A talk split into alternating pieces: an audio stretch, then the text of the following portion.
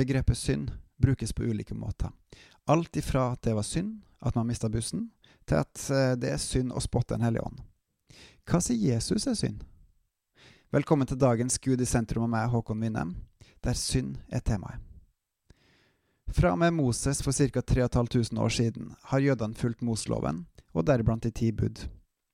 Fullt og fullt kan man egentlig si når man leser Bibelen i Gamle testamentet, men de har i hvert fall hatt standarden klar. De har visst hvilke regler de har hatt å følge for å leve et rettferdig liv sammen med Gud. Unntakene har nok vært mange flere enn forbildene, og allerede før jorda ble til, var Jesus, så Gud har hatt en plan. Med hans offer for ca. 2000 år siden så ble vi frikjøpt fra Moseloven, og er ikke lenger under synden, vi er ikke lenger under døden. Dersom vi da virkelig er kjøpt fri fra synden som bor i oss. Med Han har vi derimot to andre bud å forholde oss til.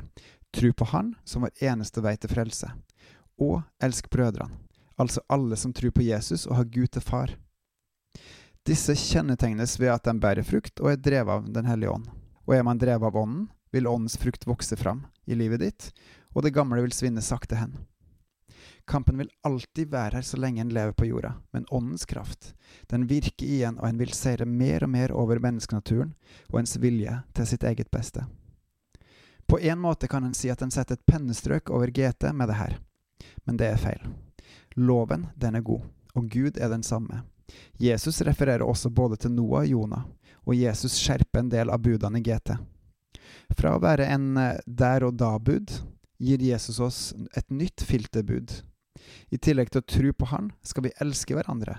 Dette er de to nye budene, og dem kan man bruke ha med seg i enhver situasjon en står i. Ganske genialt, og samtidig krevende. I å tro på Jesus ligger det for det første barnelærdommen om Jesus soning for oss på korset, samt seieren gjennom oppstandelsen. Gjennom det her har vi evig liv, hver den som tror. Men trua stopper ikke der, den lever videre, hvis man også følger det Jesus sier.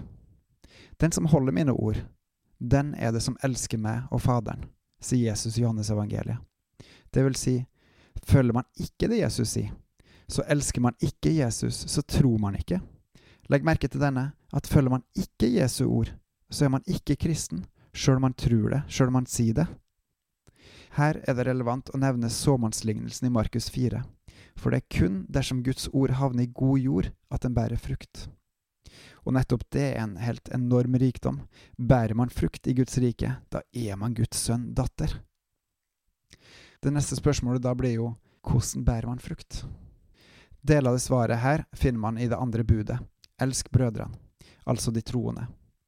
Familie er viktig, og en godt fungerende familie vokser og vokser, også gjennom tunge tider. Det går an å vokse i modenhet, i kjærlighet og visdom, og det går an å vokse i samhold, fellesskap og styrke. Den sanne kjærligheten søker ikke sitt eget, men utholder alt, tåler alt. Den sanne kjærligheten gir og gir fordi Gud og Hans rike er større enn alt. Ens egen lykke er uviktig, for Gud og familien er viktigst. Dette kan koste en ganske mye, men rikdommen i Gud er så mye større, og det nye livet med Gud og brødrene overgår alt i det gamle livet. Dette er vanskelig å skjønne for en som ikke har smakt det, men for min egen del som har kommet et lite stykke på veien, er det nye livet med Gud så rikt at alt annet blir meningsløst i sammenligning. Jo, jeg har mange ting i livet jeg gleder meg over og som jeg elsker, eksempel familien min, og samtidig er Guds rike så rikt at det kan sammenlignes med en som fant en skatt og solgte alt han eide for å kunne få den skatten. Og merk, denne skatten her, den er gratis. Gjennom trua på Jesus, gjennom å tro på Han og elske brødrene. Men hva er synd? Noen sier at det er å bomme på målet. Eh, hvilket mål? Jo, det gode er å ha relasjon med Jesus på plass først, og deretter relasjon med sine brødre. Det evige liv er å kjenne Gud, og gjennom trua bli drevet av Den hellige ånd. Da virker Gud i deg, og du bærer frukt for Han. Dette vokser altså fram gjennom at den enkelte av oss går til Gud og er med Han hver dag. Når Gud har sagt at dette er det viktigste, for han har ofra sin egen sønn for å gjøre det mulig. Og vi velger å ikke bruke tid med han. Da synder vi. Når vi ikke er med Gud, så gjør vi det motsatte av hans vilje. Og det er veldig synd at vi gjør det, og det er syndig. Vær derimot med Gud og bli rikt velsigna. ikke vær med Gud, og relasjonen din med Gud blir svakere og svakere, og kanskje går i stykker. Synd bryter relasjoner. Tilbedelse og fellesskap bygge og berike. Vær med Gud hver dag. Sånn er det også med våre brødre. Elsk brødrene, først og fremst i Guds rike, ved å bygge, støtte og advare hverandre i trua. Dernest også derav i livet generelt. Gjør du det her, elsker du brødrene dine, spesielt når det koster. Gjør du det ikke, synder du. For det her har Gud kalt oss til å gjøre. Til å gå i ferdiglagde gjerninger, ikke for min egen eller din skyld, men til Hans ære.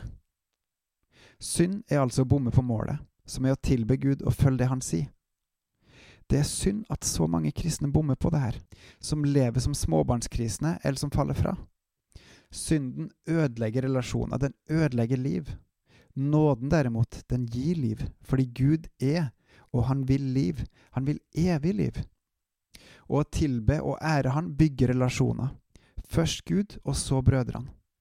Det her er vi kalt til og har ansvar for for deretter å gå ut til alle folkeslag og fortelle om det her rike, majestetiske, fredfulle, tillitsfulle, kjærlige, rettferdige livet vi har med han og brødrene. Et liv som er umulig å fatte uten sjøl å ha smakt det. Hans Nilsen Hauge smakte i 1796 og fikk et helt nytt liv. Vil du, så søk Gud og Hans rettferdighet hver dag. Finn dine naturlige, avsatte stunder med Han, og voks med Han, voks i Han. Det er godt, og det er rett. På gjensyn.